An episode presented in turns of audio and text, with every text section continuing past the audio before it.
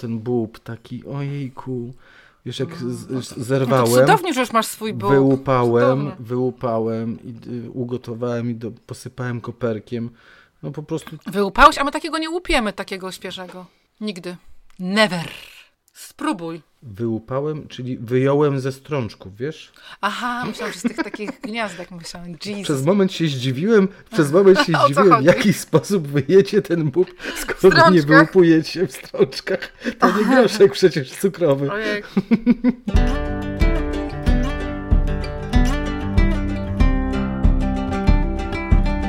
Naturalnie o ogrodach, odcinek 64.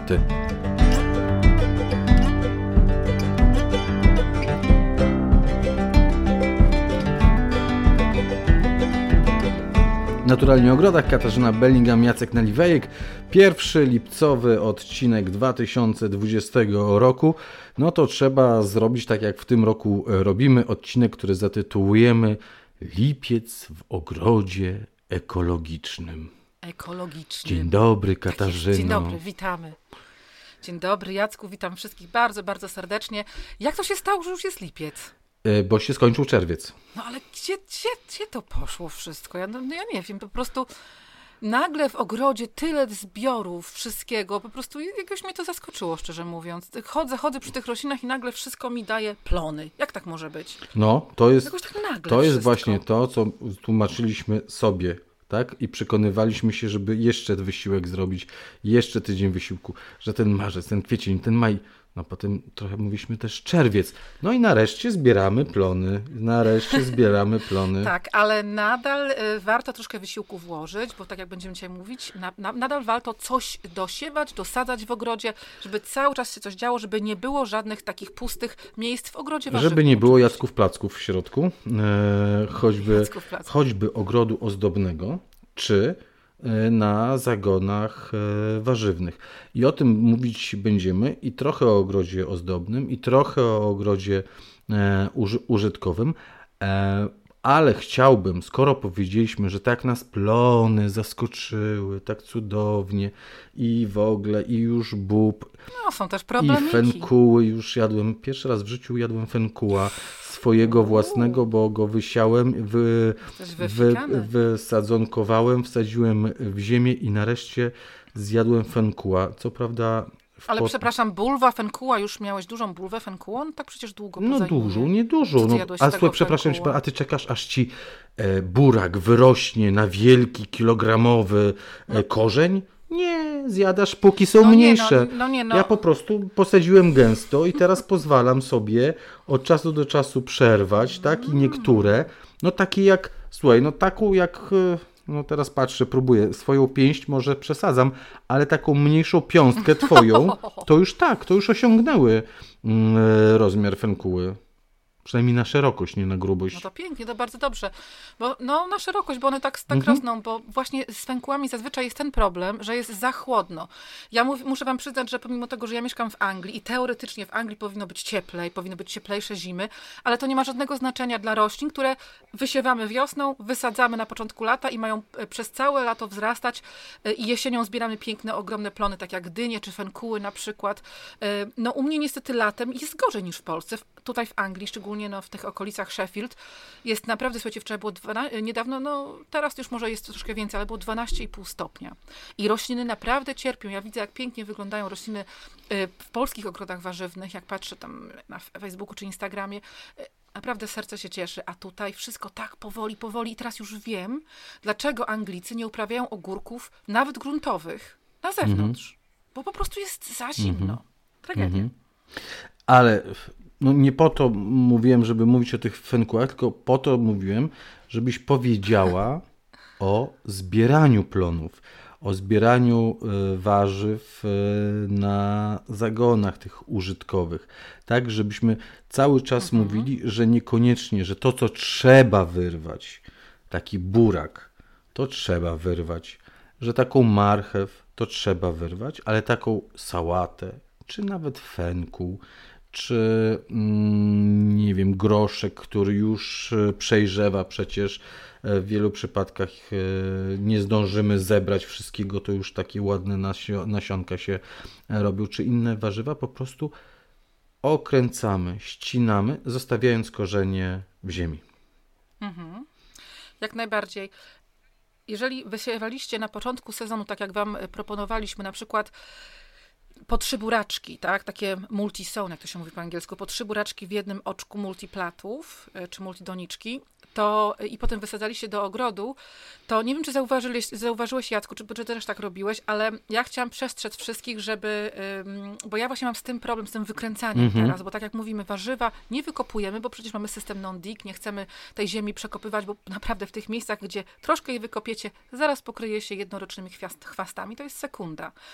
I ja mam taki mały problem z tym multistone i teraz się nauczyłam też tego w tym roku właśnie, że jak ja wysadzam z tych multidoniczek do ziemi, już później mhm. do ogrodu, do gruntu, na przykład te buraczki, czy marcheweczki miałam też takie malutkie, um, króciutkie, fajne.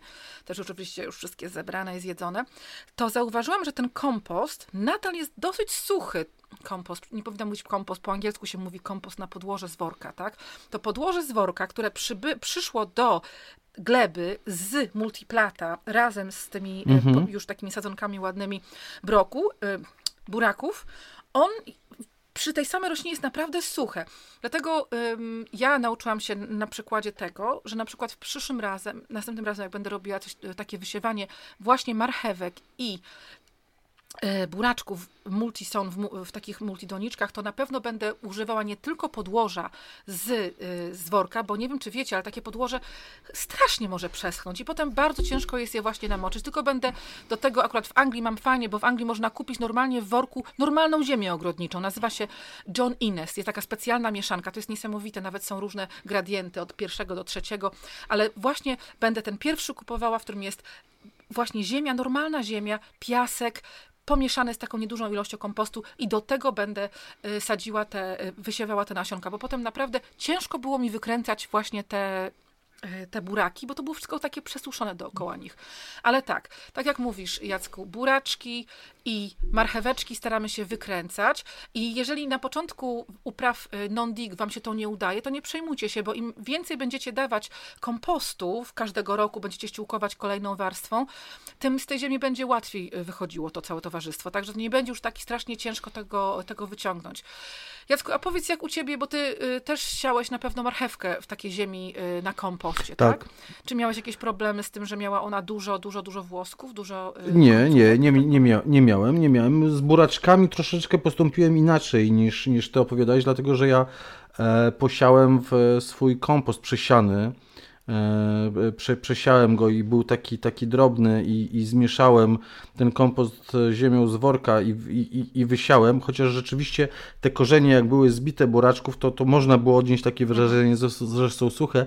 Ty mówiłeś, że kładłaś po trzy nasionka buraczków, ja kładłem po jednym kłębku. E, tego e, e, buraczku, bo kłębek to jest tam, no, to jest kilka nasion tam w tym jednym kłębku, dlatego mam teraz i, i gęsto przesadzałem, dlatego teraz mam na przykład w jednym miejscu rosnące dwa buraczki, one szybciej narastają niż jakbym miał więcej, tak jak w przypadku marchewek, nie, bo to się nie da tak dokładnie, bo one są bardzo drobne te nasionka, tak, tak mhm. tak wysiać, E, a z buraczkami było e, łatwiej. W związku z tym mam dwa albo trzy z jednego kłębka e, buraczki i są już znakomite właśnie teraz na, do, do gotowania mm, na, na, na taki, wiesz, na chłodnik, chociaż już są czasami niektóre już za duże na chłodnik, że dłużej trzeba podgotować, że już można iść na, na, na ciepło na przykład robić, pogotować. A marchewka? Marchewka tak, tak. Ona się troszeczkę tak zwija, ale, ale o, te, o takim przesychaniu, o którym ty mówisz, tak słuchałem ciebie, jak, jak mówiłeś o tym przesychaniu, to nie, to chyba, chyba nie miałem czegoś takiego marchewkach. Na pewno kwestia kiepskiego podłoża, bo skoro ty do, do, do, też do, do, dosypałeś, jeżeli masz kompost, to i tak jest dobrze. Ja mam na rabatach sporo też obornika e, i to jest też problem osób, które będą zaczynały swoją przygodę z ogrodem warzywnym, z ogrodem non-dig, bo na początku faktycznie, zanim ta ziemia się ustabilizuje, no, na przykład wiele osób będzie wypełniało swoje rabaty wzniesione obornikiem przekompostowanym mhm. i kompostem, tak jak ja, no bo to jest bardzo dobry materiał i to się w końcu wszystko bardzo pięknie rozłoży, przemiesza i tak dalej. Ale w pierwszych, no, w pierwszych latach może być ciężko. Ja zawsze opowiadam, jak, jak myśmy z, z Andrew w ogrodzie, który teraz jest ogrodem angielskim, mieli warzywnik wiele lat temu. A na początku to była totalna glina, ponieważ to wszystko było, ten cały ogród, tam gdzie teraz jest ogród e, angielski i obok, to wszystko było wyrównane przez buldożer pod budowę domu, więc cały czarnoziem został zepchnięty do lasu, więc myśmy od samego początku musieli tam odbudowywać rok po roku y, jakąś taką porządną glebę, tak? W związku z tym co roku żeśmy dodawali ogromne ilości, y, no przynajmniej taczkę na metr kwadratowy obornika przekompostowanego. No i w związku z tym przez wiele lat i jeszcze jak tam był warzywnik, nie mogliśmy w tym warzywniku, akurat w tym miejscu, uprawiać ani cebuli, ani mm -hmm. marchewki, bo tak jak zawsze za wam mówimy, ziemia była po prostu za bogata, za świeży obornik. Yy, I to jest właśnie tak, że pamiętajcie, że nie wszystko się da, tak? Nie wszystko się da od razu. Trzeba po prostu pamiętać o tym, że niektóre rośliny potrzebują bardziej przepuszczalnej i takiej niezbyt bogatej gleby, a niektóre bardziej i po prostu jak to się mówi, go to town, zwariujcie na punkcie roślin, które potrzebują tego obornika dużo, więc, a tych roślin akurat jest bardzo dużo, wszystkie kapustne, wszystkie liściowe, sałaty będą wielkości waszego domu. Także spokojnie, nie jest O, źle. dyniowate, psiankowate, to wszystko, wszystko, wszystko bardzo, bardzo chętnie by zje, zje ten obornik. obornik. Mhm również ziemniaczki, także jak najbardziej. Tak. Ale e, wracając do e, marchewki, sposób... to właśnie ja chciałem mhm. tylko, tylko powiedzieć, bo mówiłaś o swoich doświadczeniach, że nie mogłaś siać marchewki. E, ja używałem nie obornika, mogłem siać marchewkę, tylko niestety marchewka, ja też mam bardzo gliniastą glebę. Dopóki nie miałem rabat wzniesionych, bardzo słabo, bardzo słabo rosła. Tak? Te korzonki były jakieś takie rachityczne. Od czasu, kiedy tylko podniosłem o 20 cm, kiedy tylko e, dałem tę rabatę wzniesioną, no naprawdę bardzo ładne korzenie marchewki, e, aż miło popatrzeć. Tak, to jest coś fantastycznego. Naprawdę te rabaty wzniesione bardzo, bardzo pomagają przy uprawach takich korzeniowych roślin. Okej, okay, ale mówi, myślę, mówimy, tak, trzeba... mówimy o tym, tak, mówimy o, o, zbiorach, o zbiorach, mówimy o zebraniu. Czyli tak, czyli marcheweczkę, mhm marcheweczkę, buraki, to wszystko, co możemy, to wykręcamy.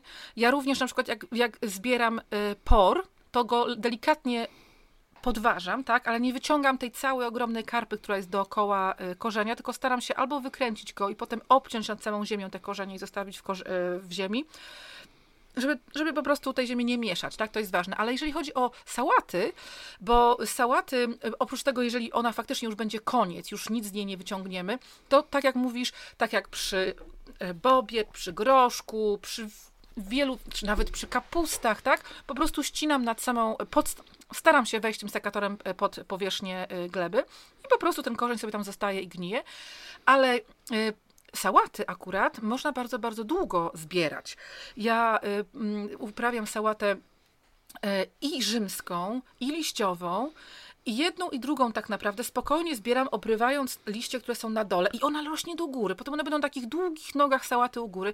I możecie spokojnie do sześciu tygodni taką jedną y, sałatę obrywać. No tak, tak? naprawdę Od dopóki ona nie zakwitnie, to, to, to można śmiało ją Dokładnie. jeść, bo jak zakwitnie, to już te liście no, nie są takie, nie są takie. Po prostu, o. Nie są takie, ale wtedy sałatę rzymską można się pokusić o ścięcie i mi się wydaje, że ona znowu, bo ja bardzo tak? często mi sałaty rzymskie z powrotem y, zaczynają, no właściwie wszystkie sałaty, które były obcięte nad, nad, nad, nad ziemią, rzymskie, czyli y, tak na przykład y, jak Little Gem, mhm. tak? To już to one wszystkie mi y, odrosły. A ja mam cudownie, wiecie, u mnie wyrosły w takie e, bardzo wysokie choinki. Mam e, mini obeliski na zagonie warzywnym, po prostu poszły, wiesz, wysoko e, w pędy, ale, ale możesz je na je absolutnie ja tak, dopóki nie zakwitną, to ja, to ja jem.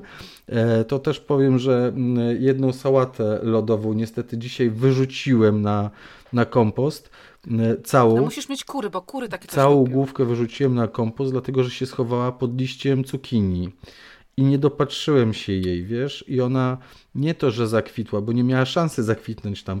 Ona po prostu w środku zgniła. Zgniła, Ona no po prostu tak, w środku zgniła. E, no i, i, i musiałem, i musiałem wrzucić na kompost. Schowałem się. Wiesz, tak, tak, taki jestem pilny ogrodnik, że nawet własnej sałaty nie znajdę. No, po prostu wstyd mi. A to się zdarza. E, słuchajcie, teraz właśnie tak jak Jacek mówi, dużo rzeczy już zbieramy, niektóre rzeczy już całkowicie, nie tylko zbieramy plony, ale już całkowicie usuwamy z warzywnika. W związku z tym nikt nie powiedział, że nie można dosadzać, dosiewać. Koniecznie to trzeba robić. Tak, i myśmy wam, wam mówili w zeszłym, w zeszłym miesiącu, więc jeżeli w zeszłym miesiącu ktoś z was na początku miesiąca, na początku czerwca, jeżeli ktoś z was na przykład powysiewał niektóre rzeczy, to teraz już by był fantastyczny czas, żeby to wysadzać do ogrodu właśnie na te miejsca, które powstały, te, te puste miejsca. Przy wysadzaniu sadzonek do ogrodu, ja mówię sadzonek, bo ja naprawdę mam problem z wysiewaniem, bo mi wsz- wszystko na świecie zjada te moje siewki. Ja już tutaj albo kury rozgrzebią, albo koty usiądą, albo W tym ślimaki roku zjedzą, albo jeszcze są wielką plagą. Nasi słuchacze o tym mówią, że są wielką właśnie e, plagą i zjadają wszystko, co się rusza i co tylko wyjdzie e, ponad ziemię. Dlatego właśnie jednym Dokładnie. metod z, ty- e, radzenia sobie ze ślimakami jest wysiew, nie wiem, czy na rozsadniku, czy w multipalety, czy w doniczkach i, rozsadniku też mi zje. i ale łatwiej ochronić, wiesz, rozsadnik. Zawsze to mniejsza przestrzeń. I, i Tak wybierać i ochroniłam i tak wybierać. szybko wyszły te listki, że E, potem tylko takie nóżki No były. ale chodzi o to, że, że wiesz, że jak są siewki, e, jak, jak są sadzonki, no to wtedy ślimaki mają mniejszą szansę zniszczyć te m, rośliny, bo jak tylko jakaś wystaje ma młode, drobne listki, która kiełkuje, no to ślimak zje i nam się wydaje, że kurczę, poraziło jakaś choroba albo coś nie wiadomo co, że nie ma nic, tak? Tak z fasolą bardzo często kiełkującą jest przecież ślimakami. Nagle nie ma, nie ma, nie ma fasoli, potem odkrywamy, kurczę, jakieś kikuciki były, tak? Dokładnie. E, Także ja u siebie naprawdę już podziękowałam. Zrobiłam rozsady na początku miesiąca, tak jak wam opowiadałam, że będę robiła i te rozsady, większość z nich właśnie Rozsady, przez czyli co? Właśnie na, y, normalnie na rabatach y, wzniesionych wysiałam w rządku nasiona jarmużu, jarmuż toskański, Nirode- Toskana, wysiałam nasionka jesiennego broku, jesiennych brokułów, wysiałam nasionka wiosennych brokułów, tych takich y, gałązkowych, o których wspominaliśmy, i kapusty. I powiem wam szczerze, że udało mi się z tego wszystkiego ura- uratować może dosłownie jedną multiplatę kapust, bo to teraz przepikowałam, już zmądrzałam i przepikowałam, bo jeszcze w dodatku w związku z tym, że to było wszystko, że to było wszystko rośliny em, kapustne, to na, na koniec tego wszystkiego, że tak jak mówię, kret wyszedł po środku, kot się położył na tym, więc po środku taka plama, gdzie w ogóle nic nie wyszło, ślimaki wszystko zjadły, to jeszcze to, co wyszło, to zostało zaatakowane przez y, pchiełki. Także na, naprawdę stwierdziłam, że co mi tam i teraz mam rozsady wszystkie w szklarni. Słuchaj, ty zobacz, czy tam gdzieś Mojżesza nie tego- masz w pobliżu, wiesz, bo to wygląda jak plagi egipskie, jakby ktoś, jakby ktoś, ktoś na ciebie e, zrzucił, nie?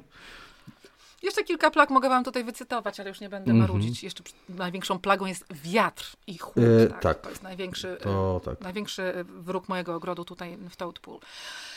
Tak, że jeżeli Wam się udało wysiać na początku miesiąca te wszystkie rzeczy, których teraz ja mówiłam, plus inne oczywiście, takie szybko rosnące, jakieś sałaty, szpinaki, to zawsze można sobie dosiewać. Ja, ja też wysiałam, ale już byłam mądrzejsza, więc tam naprawdę mam oko. E, Właśnie wysiałam też, po prostu się pokazują miejsca w ogrodzie, więc i, i koperek, i marchewki więcej, i buraczków więcej, bo tego nigdy nie jest wystarczająco. Ale może taka jedna zasada, żebyście się za bardzo nie martwili teraz, bo nagle zrujnuje się wasz płodozmian roczny, tak? Nagle będzie zamieszanie, jeżeli chodzi o to planowanie, co każdego roku jest na rabatach. Nie przejmujcie się, ja, y, ale starajcie się po prostu jedna rzecz. Starajcie się podążać za tym, że na przykład na rabatach, na których mieliście kapustę, ja na przykład wczoraj zebrałam już całą moją kapustę e, i czekam, aż moja mamusia poda mi przepis na kapustę kiszoną, bo robi bardzo dobrą, ale już nie może mi dwa dni podać. Z E, młodej może kapusty będziesz kisić kapustę?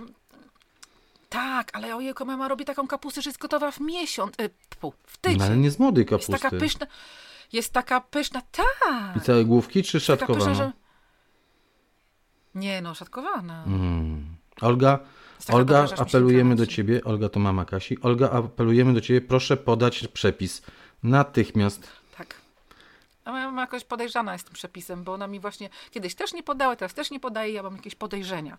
W każdym razie ta kapusta jest tak smaczna, ona jest tak chrupka, no coś pięknego. To jest taka, mło, taka świeża kapusta kiszona, to nie, to nie jest taka kapusta Nie kiszona, przekwaszona taka mocno. się idzie Mhm. i dokładnie, tak, ale naprawdę przepyszna. No i po, poza tym z kapustami to jest taki problem, też na pewno mm, zauważycie, że jak są zbiory, to są zbiory i tej kapusty właśnie jest więcej. I dlatego można sobie pozwolić na zrobienie pysznej kapusty kiszonej. I ja nagle na, mam teraz pół rabaty, miałam jeden rabaty, jeden całą rabatę wzniesioną, poświęconą właśnie roślinom I kapusty. wycięłaś wszystkie? I teraz, nie, znaczy na pół rabaty to były kapusty, więc mhm. wszystkie wycięłam, a pół rabaty to są, teraz tam zostały jarmuże i brokuły, które cały czas, y, brokuły cały czas mają y, te swoje rozetki, cały czas będą, chcą, chcą kwitnąć, więc mają te swoje główki brokułu, więc cały czas zbieramy, więc tego nie mogę wyciąć. Jarmuż cały czas No ale po kapustach możesz rabaty mam. dosadzić ten e, jarmuż toksański, e, tak, i, i- i To pozostałe. znaczy ja, ja Późne kapusty, jak ja rozumiem, teraz czy planuję, brukselki. Nie, ja planuję teraz po kapustach posadzić tutaj bób, A, no posiać tak, bób późny. kolejny. Tutaj wejdę już z roślinami e, e, motyl, motylkowatymi, czyli to się mówi inaczej, e, bobowatymi, tak? Czyli tymi, które wiążą wolny azot z powietrza. To jest najważniejsze, żeby cały czas była zmiana, żeby, żeby po pierwsze one zasilą tą ziemię, a po drugie zmylą jakiekolwiek szkodniki, które będą chciały przylecieć do tego, em, prawda, do tych, do tych kapust i je zjeść. A poza tym to właściwie nawet nie chodzi o, to, o te szkodniki, które przylecą, tylko chodzi o te szkodniki, które W są. glebie. Jeżeli ja usunę, tak, jeżeli ja usunę teraz wszystko związane z kapustą, a naprawdę starajcie się utrzymywać te zagony w ogóle w warzywniku czysto, nie zostawiać żadnych kawałków roślin, bo na tym będą żerowały szkodniki, tych, tych, akurat tych grup roślin. Jeżeli ja teraz posadzę boby, różne takie tam, to oczywiście, czy fasolkę teraz szparagową, tak, bo teraz jest czas na sadzenie jest też e, mm, fasolki szparagowej, to oczywiście te biedaki, biedaczyska nie będą miały co jeść, bo przecież nie będą jadły fasolki ani bobu, w związku z tym odejdą e, i nie będę miała z nimi problemu w przyszłym roku. To jest najważniejsze. Starajcie się po prostu nie sadzić tej samej grupy po sobie, ale możecie wędrować tymi grupami. Tam, gdzie e, ja zbiorę teraz, jak, tak jak Jacek mówi, groszek e, już się właściwie czasami kończyć może w takich Już się kończy. U mnie się kończy zakątkach kraju. Mhm. No u mnie to tak jest w połowie, bym powiedziała, ale jeżeli i po groszku, i po bobie, spokojnie znowu mogę posadzić ten mój jarmuż, no bo wszystko musiałam wysiać od nowa, więc on akurat ten jarmuż będzie gotowy, kiedy, kiedy będzie po bobie i po e, groszku tym em, słodkim. Także y, wszystko w- po sobie, a takie rzeczy jak sałata, jak bazylia, bo teraz bazylię też możecie wysiewać, bo już jest cieplutko, jak bazylia, jak koperek, no czy cokolwiek innego, to możecie po prostu siać gdzie chcecie, pomiędzy roślinami. To są takie rzeczy, które naprawdę Tak, koper też rozrzucić. Ja dzisiaj rozrzuciłem miejsce. trochę nasion kopru, ale nie siejanych e, Tak. w rządku, tylko tak rzuciłem na rabatę, bo stwierdziłem, znaczy tak mi wychodzi z doświadczenia, że ten rzucony jakoś dużo lepiej rośnie niż ten, który wysiejemy w rządku. Jak chcemy go, żeby ładnie rósł e, e, w rządku, to on akurat nie, nie będzie chciał rosnąć. E, Ale koper na przykład już ten, który był wysiany z multipalet tą bardzo wczesną e, wiosną, już został przeze mnie skonsumowany, zjedzony. Ja już nie pamiętam w ogóle, już, że on już był. dawno, tak. dawno temu, więc teraz taki, taki późniejszy. E, Ja dzisiaj także siałem, Tak. prócz tego koperku, wysiałem to, co lubię, czyli kolejne, no właśnie, to nie są korzeniowe, chociaż mają korzenie. Wysiałem rzepę, cudowną, smaczną e, rzepę i wysiałem e, rzodkiew, taką, którą ja lubię, czyli tę taką czarną rzodkiew murzynkę o takiej czarnej skórce, wiesz, Mhm, e, przecudowna. Ja bardzo ją lubię startą z odrobinką soli, jogurtu, e, jaka taka, taka suróweczka. A rzepa, rzepa jest też przecudna, jako surówka, czy jako nawet na ciepło przecież zrobiona. Mm, e. Także mm, z takich roślin warzywnych, które w tej chwili mogą iść, Kasia powiedziała o sałatach, powiedziała o kapustach, ale nie wspomniała o tych wszystkich mm, chińskich wynalazkach, tak? Czyli mm, kapusta pekińska. E, To jest też dobry moment właśnie, żeby już teraz wysiewać kapusty y, pekińskie. Te kapusta taka chińska, jak ona się nazywa? Pak choi? Pak choi, mizuna, No, miduna. to też jest e, e, już dobry okres do tego, ten lipiec, żeby, żeby zacząć się z tym bawić.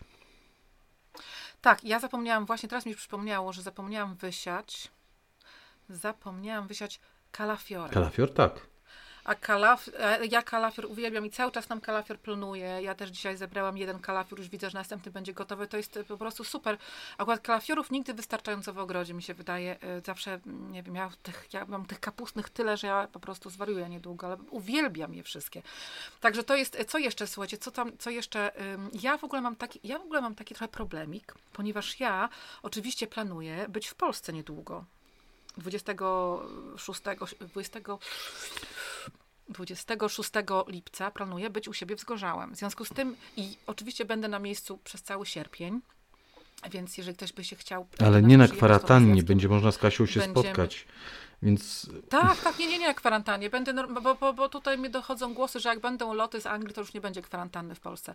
Także słuchajcie, ja muszę uprawiać tak rośliny, żeby w tym mo- momencie, kiedy mnie nie ma, czyli koniec lipca i przez cały sierpień, żeby tutaj nie było za bardzo przy nich zbiorów. Dlatego, bo po pierwsze tutaj nie będzie za bardzo kto miał ich jeść, a po drugie, no szkoda, żeby to się marnowało. Więc ja tak naprawdę ten cały y, okres tak naprawdę mogliście już wysiewać w maju, żeby teraz wysadzać. Ja specjalnie ten cały okres przegapiłam i teraz właśnie niedawno przez ostatnie kilka dni siałam bardzo, bardzo intensywnie. Bardzo mam dużo różnych e, multiplatów. Wszystko oczywiście tylko w multiplatach i nawet takie rzeczy jak sałaty, szpinak, brokuły, jarmuż, em, kapusta to i teraz kalafior, bo zapomniałam też może to dosadzić, znaczy wysiać. To wszystko do tych takich doniczek P9 i do Mhm. pikowania. I wtedy przynajmniej wiem, ile mam tych, tych y, rzeczy do wysadzenia i tak dalej. Także dla mnie to jest ważne, żeby tutaj w sierpniu akurat nic nie było na miejscu, więc takie uprawy, które dopiero będą dochodziły do siebie od września do późnej jesieni. Albo i do zimy, dlatego, bo brokuł oczywiście gałązkowy będzie dopiero na wiosnę też y, do jedzenia. mhm. Tylko może wspomnijmy też o wysiewach. Jeżeli mówimy o wysiewach, to może wspomnijmy o tych dniach, kiedy te wysiewy można robić, bo tak naprawdę to dzisiaj e, jest tak jakby no, przedostatni dzień kwadry owocu, prawda? tak, drugi, 2 czerwca, bo ten odcinek ukazuje się 2 czerwca w czwartek, 2 lipca. Mm, 2 lipca. Pierwszy lipcowy odcinek, a ja tutaj o czerwcu. 2 lipca w czwartek, czy, czy czwartek, dlatego wyszło mi tak. E, W czwartek jest e, kwadra owocu, a kończy się niestety jutro, w piątek, w sobotę, niedzielę i poniedziałek. E, Tak wynika przynajmniej z tego kalendarza biodynamicznego księżycowego. Nic nie powinniśmy robić w ogrodzie, za to e, możemy, mm, są takie grzybki, nie wiem czy Kasiu widzisz tam narysowane, Tak, można, można zbierać grzyby. można zbierać grzyby, ale to także jest ryzyko chorób grzybowych. Jeśli będą ładnie rosły grzyby, to także to, także to będzie to, że te, że te grzyby dobrze będą rozwijały się na drzewkach i na roślinach. I uwaga na grzybki na roślinach, czyli No, wszelkiego no, no, rodzaju choroby zrobić, grzybowe. Po prostu to będzie okres, w którym będą podatne. Jedyne co, jedyne, co możemy z nimi zrobić tak naprawdę, to przede wszystkim, tak jak mówiliśmy kilka y, odcinków temu, w odpowiedniej odległości od siebie sadzić warzywa, żeby miały swobodny przepływ powietrza.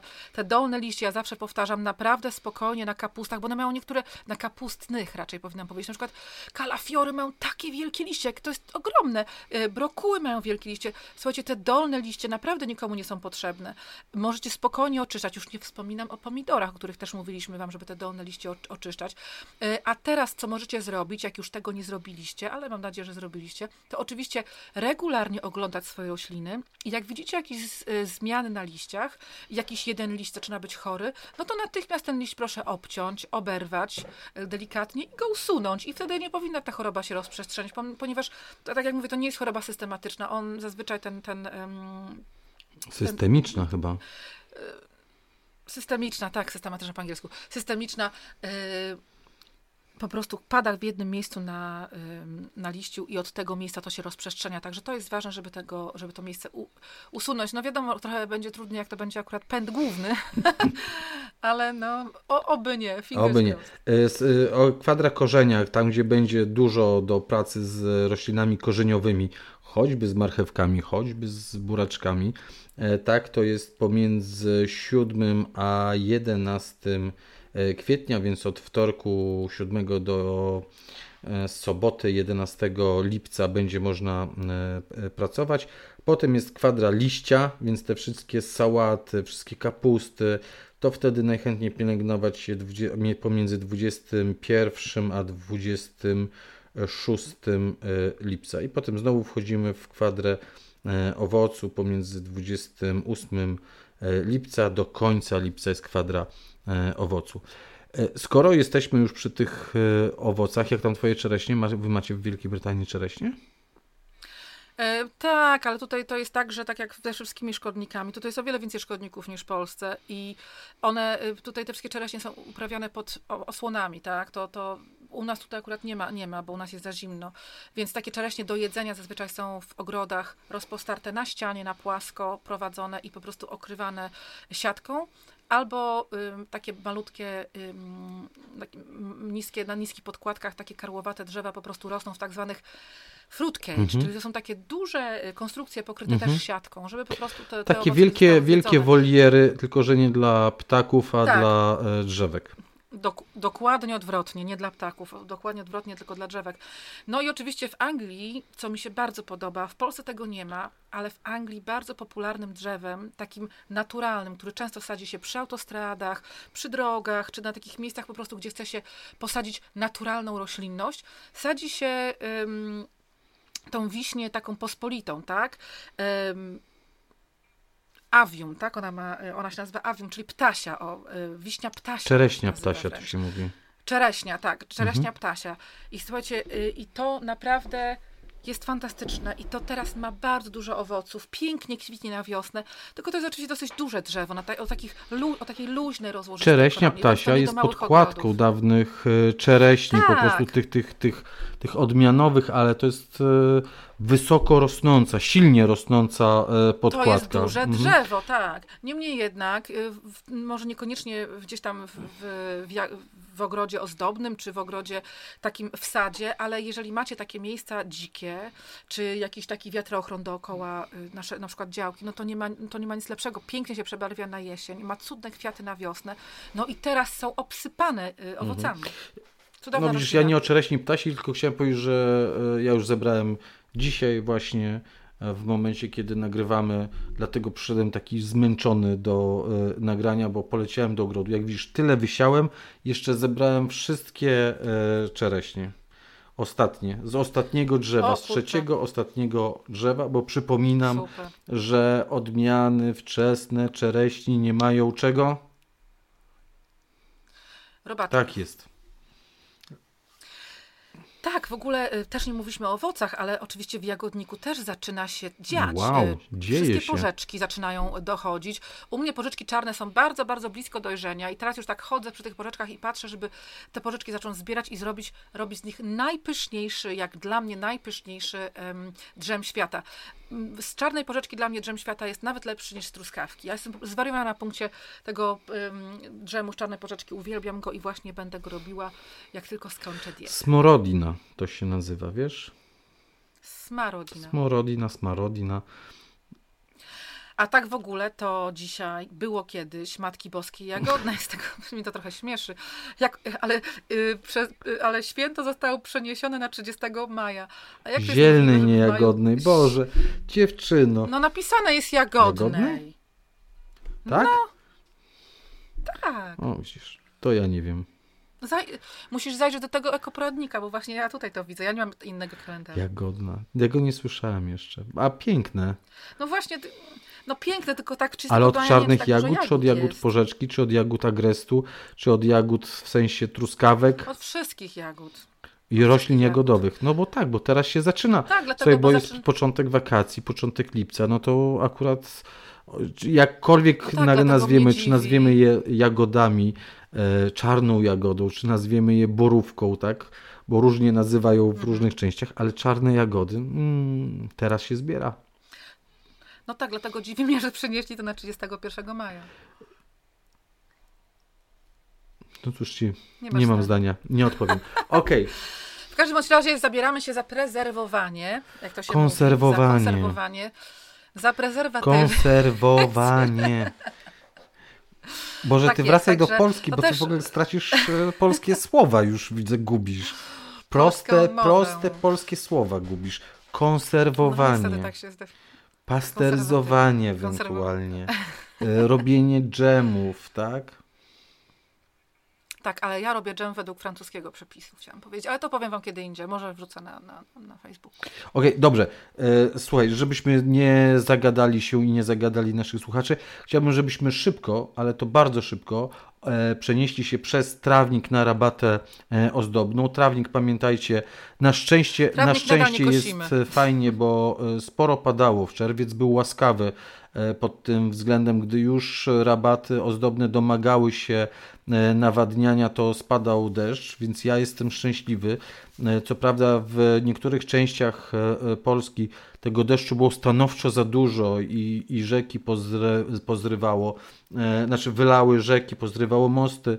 Mm, Tak wiele osób zostało poszkodowanych rzeczywiście ulewne, ulewne deszcze na południu głównie Polski dały Tak, się, dały się mocno we, we znaki. Wszystkim naprawdę naszym, naszym słuchaczom z południa bardzo współczujemy. My tutaj na północy jesteśmy troszeczkę chronieni dzięki Bałtykowi, tak? Jesteśmy chronieni e, i, i, i takich e, zjawisk atmosferycznych bardzo silnych, bardzo dużych u nas e, nie ma.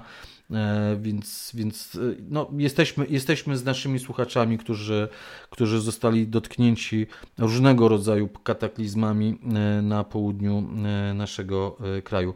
Ale przechodząc przez trawnik, po to powiedziałem, że czerwiec był e, łaskawy. Nie wiadomo, jaki będzie e, lipiec. Pamiętajcie o tym, e, o czym mówiliśmy wcześniej, że jeszcze w lipcu teoretycznie jest mało opadów, tak? Bo jak kiedyś mówiło się o tym, kiedy wysiewać trawnik, to mówiliśmy kwiecień i sierpień, bo w sierpniu będzie więcej opadów. Teoretycznie tak, taka była statystyka kiedyś. E, Więc w lipcu e, proszę, wysoko tnijmy ten trawnik, nie za nisko. Dlatego, że jeśli będziecie cieli za nisko, będziecie odsłaniać korzenie, będziecie odsłaniać tę ziemię e, i wówczas stanie się tak, że wasz trawnik będzie żółty, będzie żółkł, będzie wysychał. A jeżeli będziecie ciąć wyżej, to uda się Wam y, mieć sytuację, w której trawnik będzie chronił swoje korzenie i będzie nadal zielony. No ja mam nadzieję, że widzieliście w zeszłym tygodniu, jaki mam piękny trawnik, który jest pokryty białą koniczyną i przeróżnymi innymi kwiatkami, bo właśnie pozostawiliśmy w tym roku pierwszy raz tą naszą trawę, żeby po prostu sobie zakwitła.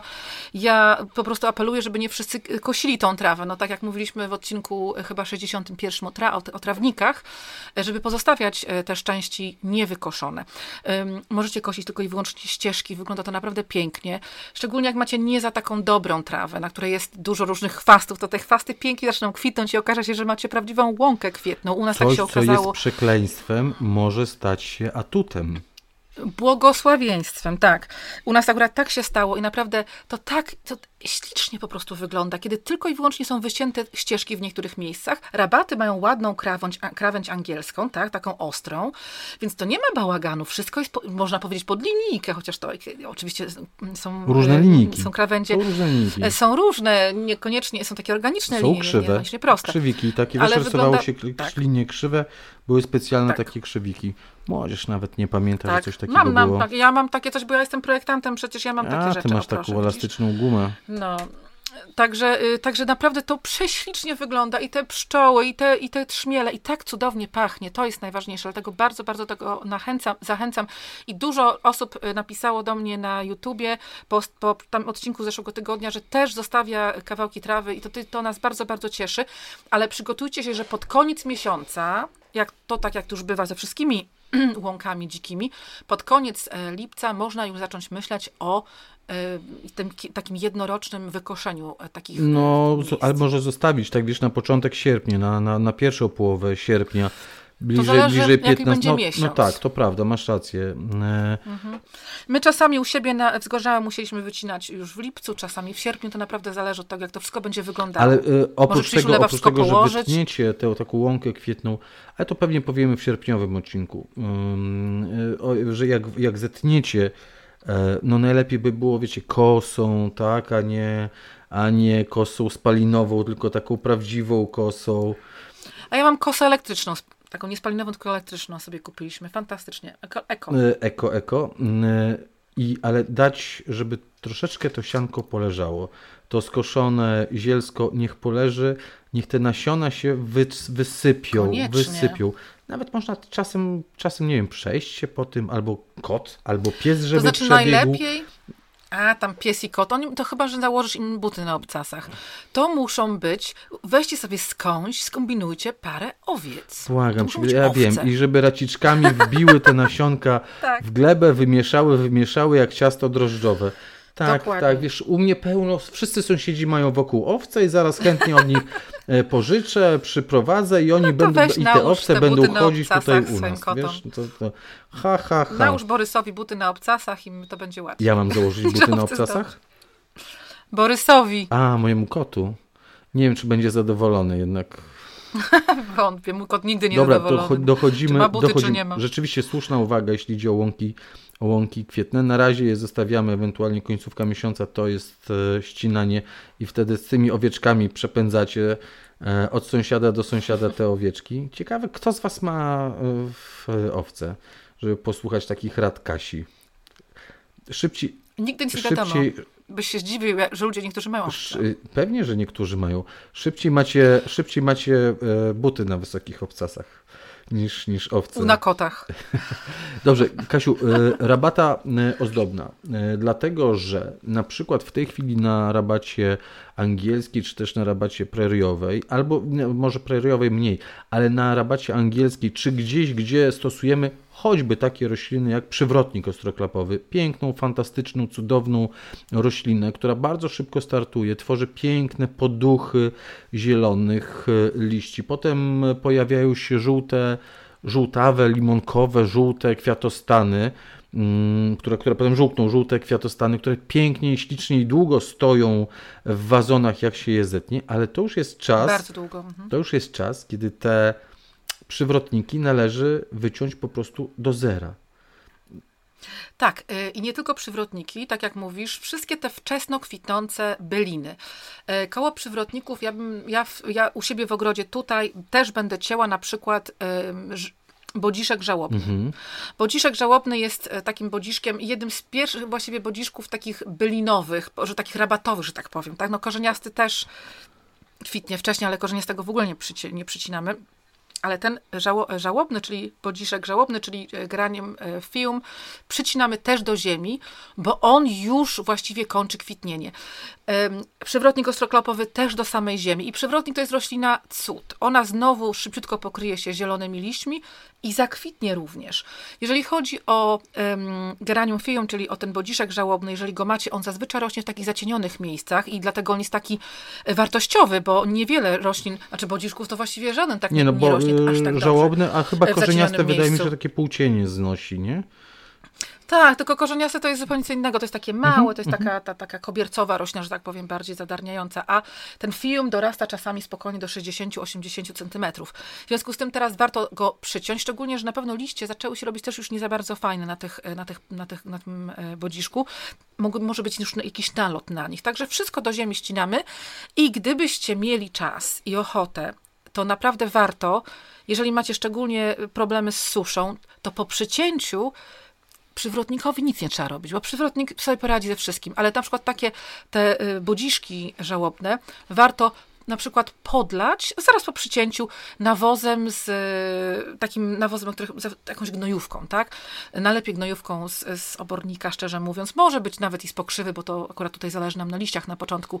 Albo po prostu podlać porządnie normalną wodą i podrzucić dookoła garst, e, garścią obornika granulowanego, tak? Żeby, że tak powiem, troszkę pomóc mu teraz, e, żeby tak zdobył ten pęd do następnego y, wzrostu, kwi, może nawet kwitnienia. Im bardziej będziecie łaskawi dla tego bodziszka teraz, tym on pięknie zakwitnie. I w końcu bodziszek wspaniały, który teraz pięknie kwitnie, niebieski bodziszek wspaniały, który też pokazywałam w zeszłym y, tygodniowym odcinku na, na vlogu, on też w końcu będzie przekwitał i, i również bodziszek Patrycja, te wszystkie piękne bodziszki, y, które teraz są w pełnym kwiecie, one do końca miesiąca mogą gorzej wyglądać i wtedy też nie bójcie się przyciąć, ale jeżeli chcecie, żeby znowu się zazieleniły, żeby znowu zakwitły, co jest bardzo możliwe na jesień, to wtedy teraz po przycięciu podlać i podrzucić jakiś nawóz. To jest dla nich bardzo ważne, żeby po prostu miały jeszcze siłę, żeby drugi raz urosnąć.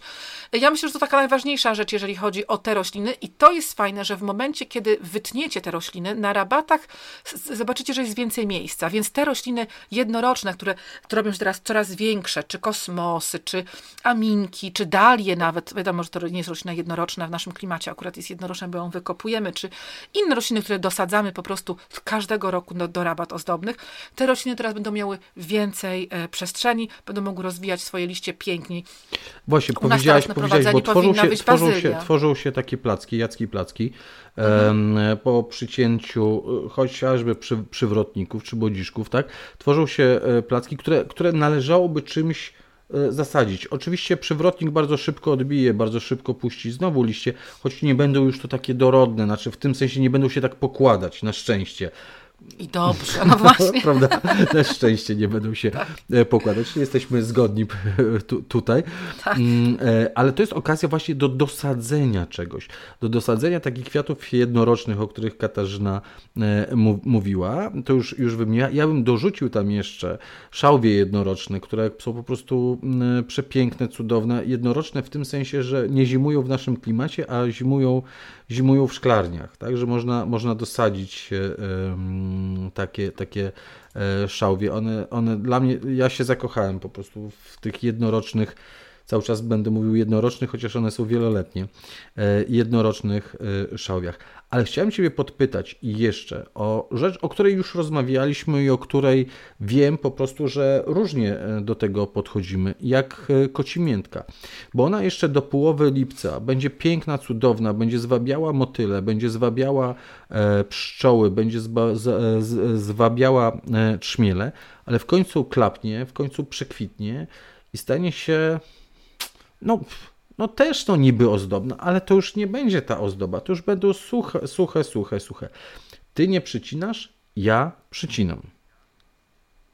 Ja mnie można jak najbardziej przycinać. Ja, ja myślę, że bardzo czasami jest fajnie niekoniecznie przy, przyciąć całą roślinę, tylko, bo z kocimiętką, tak jak mówiłeś ostatnio, bo chyba kilka odcinków temu, że z kocimiętką jest tak, że nie jest tak, że wszystko jest straszne tak. na górze. Czasami ona wypuszcza ona, niektóre rzeczy Dlatego pomiędzy. mówiłem, że jak ja I przycinam, to, jest, tak. to, muszę uważać, dlatego że tak. już w połowie e, lipca a na pewno pod koniec lipca, jak zdecydujecie się na przycięcie, bo nie będzie Wam się podobała albo mniej się będzie podobała, to trzeba bardzo mocno uważać, dlatego że od środka rosną nowe pędy. Tak, to jest tak jak z tym przywrotnikiem mhm. ostroklapowym. Tak, i jak przegapicie, to będą one dosyć wysokie. Tak, też, i wówczas tak? przytniecie, przytniecie zarówno te, te stare brzydkie, jak i z tymi e, nowymi. Czasami nie warto zwlekać po prostu z przycinaniem roślin, tak? E, bo, bo, bo nie ma sensu. Dokładnie. Ale też nie obawiajcie się, bo akurat z przywrotnikiem ostroklapowym to raczej nie przejdzie, z bodziszkiem też to nie przejdzie, ale z takimi roślinami jak kocimiętka i wieloma innymi roślinami można właśnie tak delikatnie po prostu któreś części wycinać, które, są, które nam nie pasują. Poza tym, tak prawdę mówiąc, jeżeli Wam coś się nie podoba na Waszych rabatach, to naprawdę nie bójcie się, to są rośliny wieloletnie. Czy to będzie właśnie już, może nie teraz, bo teraz jeszcze wszystko dosyć y, wygląda tak świeżo i pięknie, ale pod koniec miesiąca, jeżeli coś zacznie wyglądać y, takie, na takie zmęczone, no to naprawdę nie bójcie się, ciachajcie. Mówiliśmy też niedawno o ciachajcie um, ostróżki, tak, te, te wieloletnie. E, spokojnie łubiny. No, tylko nie ciachajcie takich bylin, które kwitną w drugiej połowie lata, jak na przykład jeżówki, floksy, no bo one już nie zakwitną drugi raz, tak? One już będziecie musieli czekać do przyszłego sezonu. Te, no, które kwitną do tej pory, przycinać. możecie przycinać. Tak generalnie, skracając to, tak? E, e, te, które za chwilę rozkwitną, mówimy o początku lipca, to już nie przycinamy i ich, z nimi się nie bawimy. Chociaż dalie za chwilę zakwitną i dalie, dalie są takim, wiesz, tniemy, tniemy, tniemy, tniemy, tniemy. Tak, a tniemy, tutaj kwiaty tniemy, tak. Bo absolutnie będą dawać coraz piękniejsze tak. E, kwiaty. Tak, i tutaj właśnie ty już właściwie, Jacku, jesteś na ogławianiu, bo ja myślałam jeszcze o przycinaniu do ziemi, a ty mówisz o ogławianiu jak najbardziej. E, takie rzeczy, które musimy, takie rośliny, które musimy ogławiać koniecznie, to są przede wszystkim róże, tak? Regularnie, naprawdę warto co kilka dni przejść przez rabaty ozdobne. Wszystkie przekwitnięte kwiaty róż należy ściąć. Oczywiście takie kwiaty jak e, dalie, jak najbardziej, ale również kosmosy, cynie, mhm cynie koniecznie będzie coraz więcej wtedy wam się pojawiało kwiatków. I zobaczycie nawet na szałwiach, no jeżeli macie szałwie Amistad, czy Love and Kisses, czy Wishes and Kisses, czy jak tam się nazywa, no to też te, te takie brzydkie kwiatostany warto, bo to jednak wspomaga resztę roślin. Tak samo pelargonie przecież, prawda? Czy, pelargonie, czy, czy to wszystko w donicach oczywiście. To, to wszystko jest e, usuwanie, odgławianie, czyli usuwanie tych takich przekwitłych kwiatostanów pobudza roślinę do kwitnienia, bo roślina myśli sobie, kurczę, już wydałam nasionka, za chwilę będą, a to już mogę odpocząć, tak? Już będę mieć dzieci, rozsieję się, przedłużę gatunek, a ktoś tu mi zabiera te nasionka, myślę, kurczę, znowu robota od początku i znowu muszę pracować na te, na te, na te przedłużenie gatunku i znowu pięknie kwitnie. Tak. A szczególnie te, te przedłużenie gatunku to musi walczyć o niebiedna pelargonia, tak jak wspomniałeś. To jest ważne. Może zahaczmy teraz o y, ogród Nie, ale ja chciałbym, wiesz, co, w Donicach. Tak, do, dobrze, to do, dojdź, dojdź do ogrodu w Donicach, ale ja szybko popędzę jeszcze myślami i, i podpowiedzią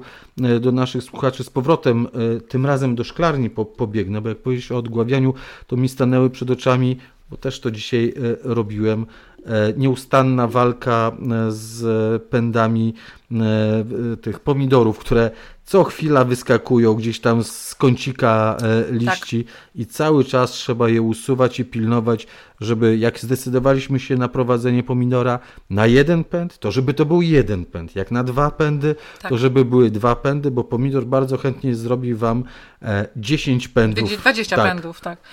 Ja, tak, y, bardzo dobrze, Jacku, dobrze, to zostańmy w szklarni. Słuchajcie, w szklarni, jeżeli uprawiacie takie rzeczy jak pomidory, takie rośliny jak pomidory, to teraz zadaniem najważniejszym będzie oczyszczanie dolnych partii liści, tak jak mówiliśmy na początku dzisiejszego podcastu, czyli wszystkie y, liście y, pod spodem pierwszego grona, a potem już pewnie do końca lipca to już drugiego grona od dołu, już nad czwartym, nad, teoretycznie nad czwartym dobrze rozwiniętym gronem należy urwać łepek. Te samo niezakańczające się też urwać właśnie łepek. Również urywa się łepek, słuchajcie, bobowy. E, właśnie, żebyśmy, Jeżeli... żebyśmy dobrze zrozumieli, urwać łepek. Pomidory nad czwartym gronem usuwamy po prostu stożek wzrostu. Wierzchołek wzrostu. Tak, tak y, usuwamy. Mhm. I podobnie z odmianami, Kasia mówiła tych y, niesamokończącymi, bo są odmiany bobu samokończące i takie, które nie, same nie kończą tego wzrostu. Że one będą rosły, rosły, rosły i będą bardzo wysoko, a nie będzie tam strąków tak naprawdę, albo będą bardzo malutkie. Tak. Po prostu ciach tak. przycinamy tak, i, i, one, i, i one rozbudowują i... dolne e, sto, stronki, dzięki temu równomiernie dorastają. Tak. A usuwamy tą górę bobu w momencie, kiedy zobaczymy, że te pierwsze y, fasolki, strączki się no, Bób to fasola? Też fasola. No strączkowe, no. Te, te, strączki, te strączki bobu się wykształcają. Jak zobaczycie, że te strączki się wykształcają na, na samym dole, bo one będą się od dołu wykształcały do góry, to o, o ten stożek wzrostu obcinacie sekatorem i rzucacie na kompost. Kompost też trzeba będzie prawdopodobnie robić w lipcu. Ale wróćmy już jeszcze do tego, w takim razie do szklarni.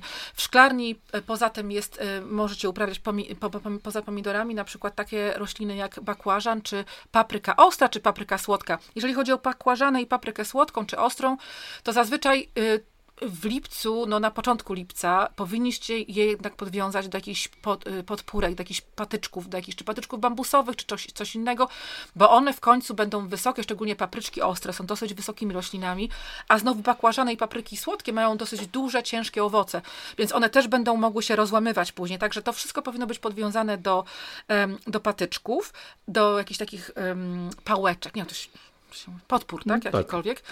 A do, i oczywiście regularnie, co tydzień i pomidory, i bakłażany, i papryki, i jeżeli macie melony w szklarni, to wszystko raz w tygodniu nawozimy nawozem płynnym. Najlepiej, jeżeli macie z żywokostu. Jeżeli nie, to z obornika, y, czyli gnoj, gnojowica, tak? Krowieniec. Oby nie z pokrzywy, ponieważ pokrzywa ma w sobie azot. Azot wspomaga częściej zielone rośliny, tego nie chcemy o tej porze. O robieniu gnojówki z żywokostu dużo, dużo opowiadaliśmy Wam i to jest też tematem mojego ostatniego y, vloga, także zapraszam też do, do tego. Tylko ten vlog nie wiem, czy jeszcze, czy już będzie, bo może w piątek dopiero będzie opublikowany, bo nie wiem, nie jestem taka szybka, strasznie długo mi to zajmuje edytowanie. Także obiecuję, że jeżeli coś jeszcze nie rozumiecie na temat żywokostu, na temat gnojówki z żywokostu, to znajdziecie to na moim vlogu.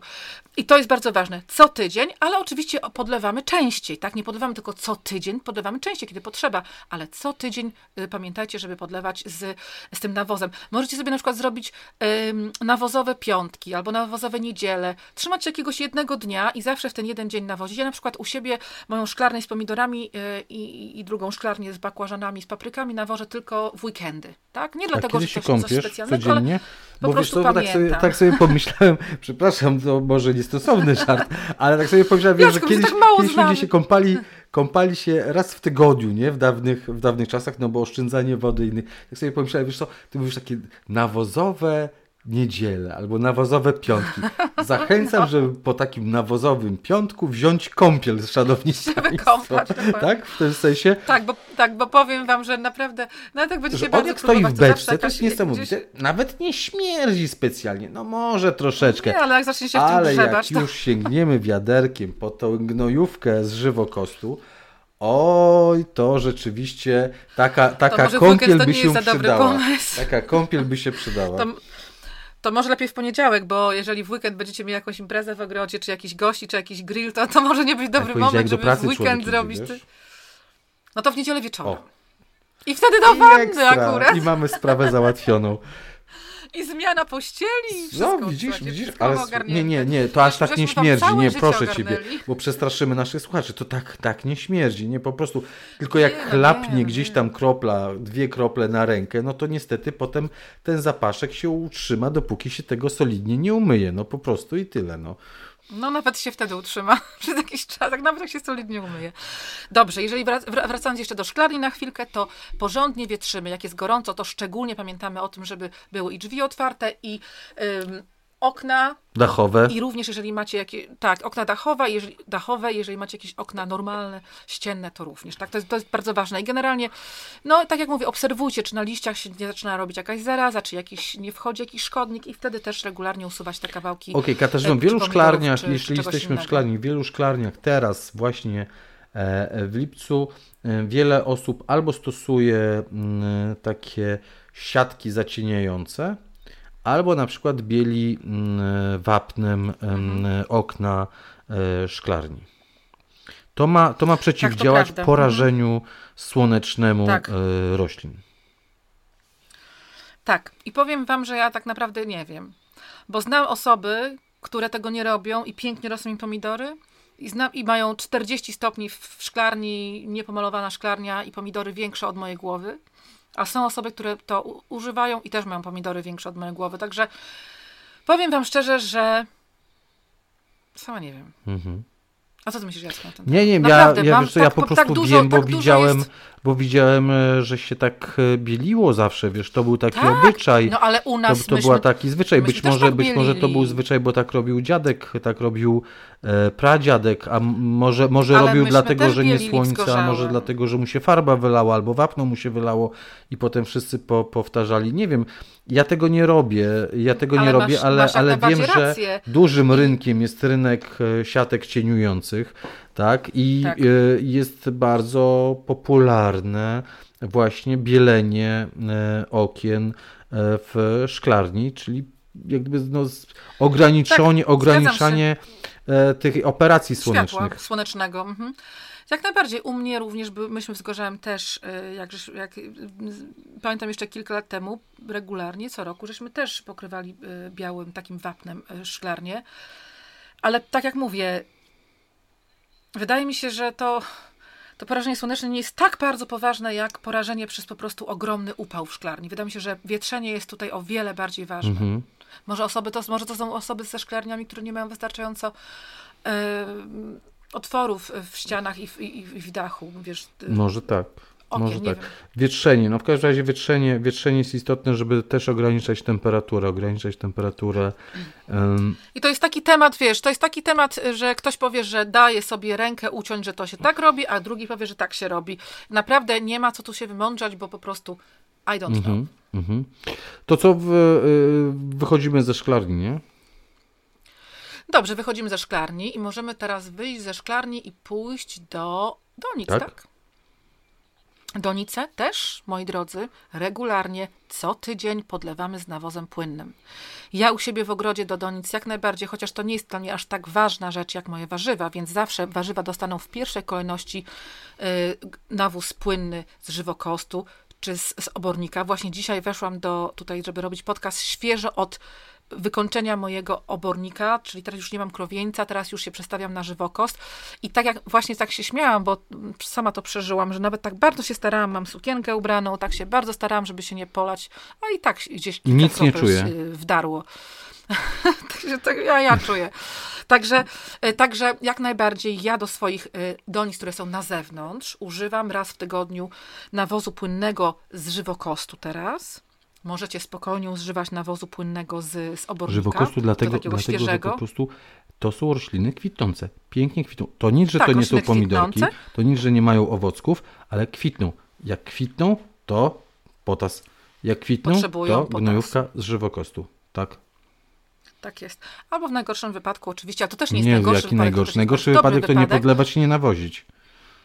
Dokładnie, w ogóle. Także spokojnie możecie po, ten, tą gnojówką zabornika, a jeżeli przeszkadza Wam zapach, ponieważ macie balkon, czy taras, czy po prostu podlewacie pelargonię na oknie w sypialni, więc raczej ta gnojówka to by nie przeszła, to spokojnie możecie użyć nawozu z hodowli drżownic. E, To jest też nawóz płynny, który wcale nie pachnie mocno, w ogóle chyba nie pachnie, tak szczerze Ja mówiąc. nie, nie, nie czuję. Wygląda trochę, on wygląda trochę jak taki, taki, trochę, taki trochę brudnawy, ale on nie, Takie on nie jakby jest taki błotko jak czysty. takie, nie? Taki... Dokładnie, ale on w ogóle nie pachnie, a zawsze możecie sobie pogratulować, bo żeście użyli nawozu ekologicznego i to jest fantastyczne. Także w ogóle nie poddawajcie się żadnym nawozom sztucznym, żadnej chemii ogrodowej. Pamiętajcie, że jak pani przy kasie w OBI zapyta, czy pani by chciała dzisiaj kupić w ofercie nawóz do pelargonii czy nawóz do storczyków? Pamiętajcie, że to zawsze będzie nawóz sztuczny, tak? Bo ja pamiętam, że kiedyś takiej pani zapytałam się, nie wiem, jestem jakaś niemądra, zapytałam się tej pani, y, co to za nawóz, czy to jest sztuczny, czy naturalny. Więc pani prawie spadła z krzesła, co to w ogóle za pytanie. Ona, no, większość nawozów jest sztucznych. Pani na w ogóle nie wiedziała, że w ogóle co to za różnica. Także to jest, to jest naprawdę bardzo ważne, żebyście sobie zdawali sprawę w sklepie, zanim sięgniecie po nawóz płynny, bo teraz mówimy o nawozach płynnych, bo nawozami płynnymi będziecie podlewać donice, to starajcie się używać tylko tego nawozu z hodowli dżownic, bo to jest jedyny naturalny, tak naprawdę płynny nawóz, który możecie kupić w sklepie. Cała reszta będzie miała w sobie chemię. Tak jest. I y, kończąc odcinek, życzymy Wam wiele słońca w ciągu dnia. Czasem deszczu w środku nocy. Tak, żeby nie przeszkadzało. Chyba tak pasowałoby, nie? Że tak w nocy, żeby popadało najlepiej tak nad ranem, Tak. a potem piękne słoneczko w ciągu dnia, ale byś wszystko rosło bujnie i cudownie e, i w ogóle. I lipiec także, także to będą pierwsze żniwa za chwilę, te rzepakowe, te nieekologiczne strasznie e, żniwa, tak? Za chwilę te wszystkie pola rzepakowe, które tak pięknie, tak cudownie kwitły na żółto, które cieszyło nasze oczy, szczególnie tutaj na Pomorzu, na żuławach, te takie łany żółtego, już jak jeździłem po Polsce, to rzeczywiście wszędzie było żółto, wszędzie było żółto, a teraz za chwilę to będzie pryskane. Monokultura. Za chwilę będzie to pryskane takimi e, totalnymi e, tymi środkami chem, chemicznymi, chwastobójczymi, żeby, żeby ten rzepak e, szybko wysechł, Zabić. równo wysechł i żeby strączki się nie rozklejały. Mm, Więc za chwilę pierwsze żniwa, a potem Żeby potem po prostu żniwa. łatwiej było go obrobić. Tak, dlatego jeżeli kupujecie olej rzepakowy, to starajcie się naprawdę kupować olej rzepakowy ekologiczny. Eko, eko. Katarzyna Bellingham, Jacek Naliwajek, naturalnie o ogrodach, e, lipiec w ogrodzie ekologicznym. E, Zapraszamy, żebyście tak wędrowali po swoim ogrodzie, jak myśmy dzisiaj trochę wędrowali. A to wpadliśmy na początek na zagony warzywne, potem podreptaliśmy na trawnik i na łąkę kwietną, potem poszliśmy e, na m, rabatę ozdobną, po czym czym prędzej wróciliśmy znowu do szklarni, tak, bo sobie Biegaliśmy przypomnieliśmy, trochę. Boże, te pomidory, przecież trzeba się nimi zająć, no jakżeż tak. I potem z tej szklarni Tak. pogalopowaliśmy do e, e, pelargonii czy do roślin doniczkowych, które stoją na tarasie, w ogóle do pojemników, które stoją, do roślin uprawianych w pojemnikach, e, którym jedno podlewanie dzienne może nie starczyć, moi drodzy. Być Tak, może e, trzeba będzie, z, o, e, oby takie było ciepłe lato, także to, to też są dobre życzenia. E, oby trzeba było takie donice podlewać i rano, i wieczorem. Szczególnie jeżeli macie y, donicę na balkonie wietrznym, to wtedy naprawdę trzeba by było podlewać spokojnie dwa razy dziennie. To jest bardzo ważne. No i oczywiście też, no może nie wspomniałam, ale to mówiliśmy wcześniej, te wszystkie roślinki w donicach też ogławiać, cały czas obcinać przekwitnięte kwiaty i brzydkie listki. Szczególnie na pelargoniach, jeżeli pojawiają się brzydkie listki, takie żółte, to też po prostu obrywamy i wrzucamy na kompostownik. To nie ma żadnego problemu. Po prostu roślina czasami tak ma, to nie tak, no my też czasami mamy coś tak, coś tam, paznokcie nam rosną, tak? Już tych nie chcemy, jak urosną, to już one są B. To jest na roślinach również normalne. To nie jest tak, że rośliny muszą mieć wszystkie liście przepiękne. Także nie przejmujcie się tym, po prostu usuwajcie te liście i wyrzucajcie. To naprawdę nie jest problem. Ale, tak jak Jacek mówi, po prostu teraz jest taki okres czasu, kiedy nie ma się jakiejś jednej wielkiej roboty w ogrodzie, że teraz ściółkujemy cały ogród, albo teraz wysiewamy, albo sadzimy, tylko teraz jest wszystkiego po trochu. Trzeba mieć na oko na wszystko. Na przykład ja też pomiędzy innymi robótkami ogrodowymi tu i ówdzie robię sadzonki. Na przykład sadzonki z pelargonii niedawno robiłam, ponieważ niektóre wystrzeliły jak w nie wiem co i tak szczerze mówiąc nie chcę, żeby były takie bardzo wysokie, wolę, żeby były zagęszczone, więc brałam sadzonki. To też jest dobry okres na branie sadzonek, takich jak e, właśnie Tak, to jest znakomity okres. Szałwi, bazylii. Super, że, że, powiedziałaś, bo, bo to wyleciało mi z głowy. To jest znakomity okres, lipiec, na e, sadzonki takie zielne. Bo potem jak przyjdzie sierpień, to będzie bardzo dobry okres na sadzonki półzdrewniałe. Ale teraz na te zielne sadzonki, e, przełom czerwca, lipca, początek lipca, to jest znakomity, znakomity termin i te zielne Czas, bardzo tak. dobrze się ukorzeniają. E, Czasami lepiej niż te półzdrewniałe, tak? E, W zależności od tego, Tak. jaka, jaka to jest roślina, ale naprawdę próbujcie, słuchajcie, próbujcie rozmnażać rośliny dla, dla jakiejś takiej nawet zabawy. Spróbujcie, mm, nie wiem, co tam jest waszą ulubioną rośliną, ale załóżmy, że to jest hortensja, chociaż hortensja lepiej się rozmnaża z takich sp- zdrewniałych nawet niż, Zdrewniałych. niż e, z zielnych, tak? Ale spróbujcie jakiekolwiek, nie wiem, bazylię, e, lawendę w tej chwili można pobierać przecież e, sadzonki lawendy. Będzie wam znakomicie się rozmnażała e, lawenda. E, Możecie bukszpan próbować rozmnażać. To nawet nie jest trudne, to jest bardzo łatwe rozmnożenie bukszpanu z sadzonek. Perowskie. Perowskie, tak? Znaczy te wszystkie, wszystkie, próbujcie, po prostu próbujcie. Nasypcie do doniczki, Zioła, mhm, nasypcie do doniczki y, y, po prostu lekkiej ziemi. To może być nawet, słuchajcie, naprawdę zmieszana ziemia z takiego kopca kretowego ze żwirkiem, takim drobnym piaseczkiem. Też wirkiem z piaskiem, Mhm. tak. Pół na pół. ja E, tak, mieszam. dokładnie. E, wypełnijcie taką do, doniczkę i, i posadźcie, zróbcie ołóweczkiem dziureczkę i posadźcie, bo to są zielne, czyli, czyli nie przy brzegach już tam, bo, bo, bo mm, połamiecie, ale zróbcie dziureczkę ołóweczkiem, wsadźcie roślinkę i spróbujcie ją okryć, tak, żeby nie odparowywało za mocno, bo to jest jednak e, zielna, więc ona potrzebuje e, takiej ochrony przed, przed wysychaniem, przed, przed, przed Ale tak nadmiernym mówiąc, słońcem. sadzonki, sadzonki pelargonii czy szałwi, No to one nie. To trudno zabić. Trudno zabić. Trudno zabić. Ale nie wystawiajcie ich na słońce. Schowajcie, Dokładnie. schowajcie w światło rozproszone i eksperymentujcie. I okaże się, że macie fajne, na początku wydaje się, że słabe rośliny. Ja na przykład w tym roku y, posadzonkowałem pelargonię, b- y, y, zmarnowałem je przez zimę, przyznam szczerze. Zaniedbałem i myślałem, że już nic z nich nie będzie. Były kikuciki pelargonii takie, e, ten, posadziłem w ziemię, zaczynają, no później niż wszystkie, no bo, bo musiały swoje przejść, ale zaczynają teraz pięknie kwitnąć i mam kolejne e, pelargonie, których nie, nie, muszę, nie musiałem dokupować, które pięknie mi rozkwitły. I na tym to polega zabawa, Dokładnie. tak? Tak. Ja dużo o sadzonkowaniu pelargonii opowiadam w moim, ostat... w moim podcaście, w moim vlogu zeszłego tygodnia i pokazuję e, pelargonię Maurin, Maurin, którą właśnie też tak jak Jacek mówi, po zimie była beznadziejna. Wzięłam, zrobiłam z niej bardzo dużo sadzonek. I teraz nie to, że mam 55 tych Maurin, już się podzieliłam tutaj ze wszystkimi, to jeszcze w dodatku ta pelargonia, którą przycięłam, teraz po prostu jest tak piękna, ona tak się zagęściła, ona jest po prostu perfekcyjną pelargonią, teraz kwitnie tak obficie, także naprawdę, jeżeli przytniecie tak pelargonię dosyć mocno, no tylko żeby najlepiej nad, jeszcze nad, jakąś, nad jakimś listkiem, tak, ale to może być dosłownie 5 cm nad, nad ziemią, to może być naprawdę mocno przycięte, tylko żeby jednak coś zielonego zostało, jakieś listki takie, co się zaczynają rozwijać, to naprawdę nie pożałujecie, może trzeba będzie poczekać e, miesiąc, dwa, ale będziecie mieli znowu przepiękną roślinę, a dodatkowo, tak jak Jacek mówi, pełno małych roślinek. No super sprawa. Mm, I będziecie, Także i będziecie dużo- mamusiami, tatusiami takich e, małych roślinek. No. Także dużo, dużo chodzenia po, takiego spacerowania po ogrodzie, dużo przyjemności. Y, O, o, regularnie oglądajcie, obserwujcie. No tak jak się mówi, że w- jak to się mówi, że konia w oko. Pańskie oko, Oko konia tuczy, tuczy. Ty wracaj do Polski. Ty wracaj do Polski. Po prostu to, co się z tobą dzieje, to przychodzi ludzkie pojęcie. Pańskie Ja oko sobie- konia tuczy. Zamówiłam sobie, zamówiłam sobie książkę piękną o łące. Poprawna polszczyzna. To jest po polsku, specjalnie po polsku. Specjalnie po polsku zamówiłam, żeby czytać po polsku, a nie po angielsku.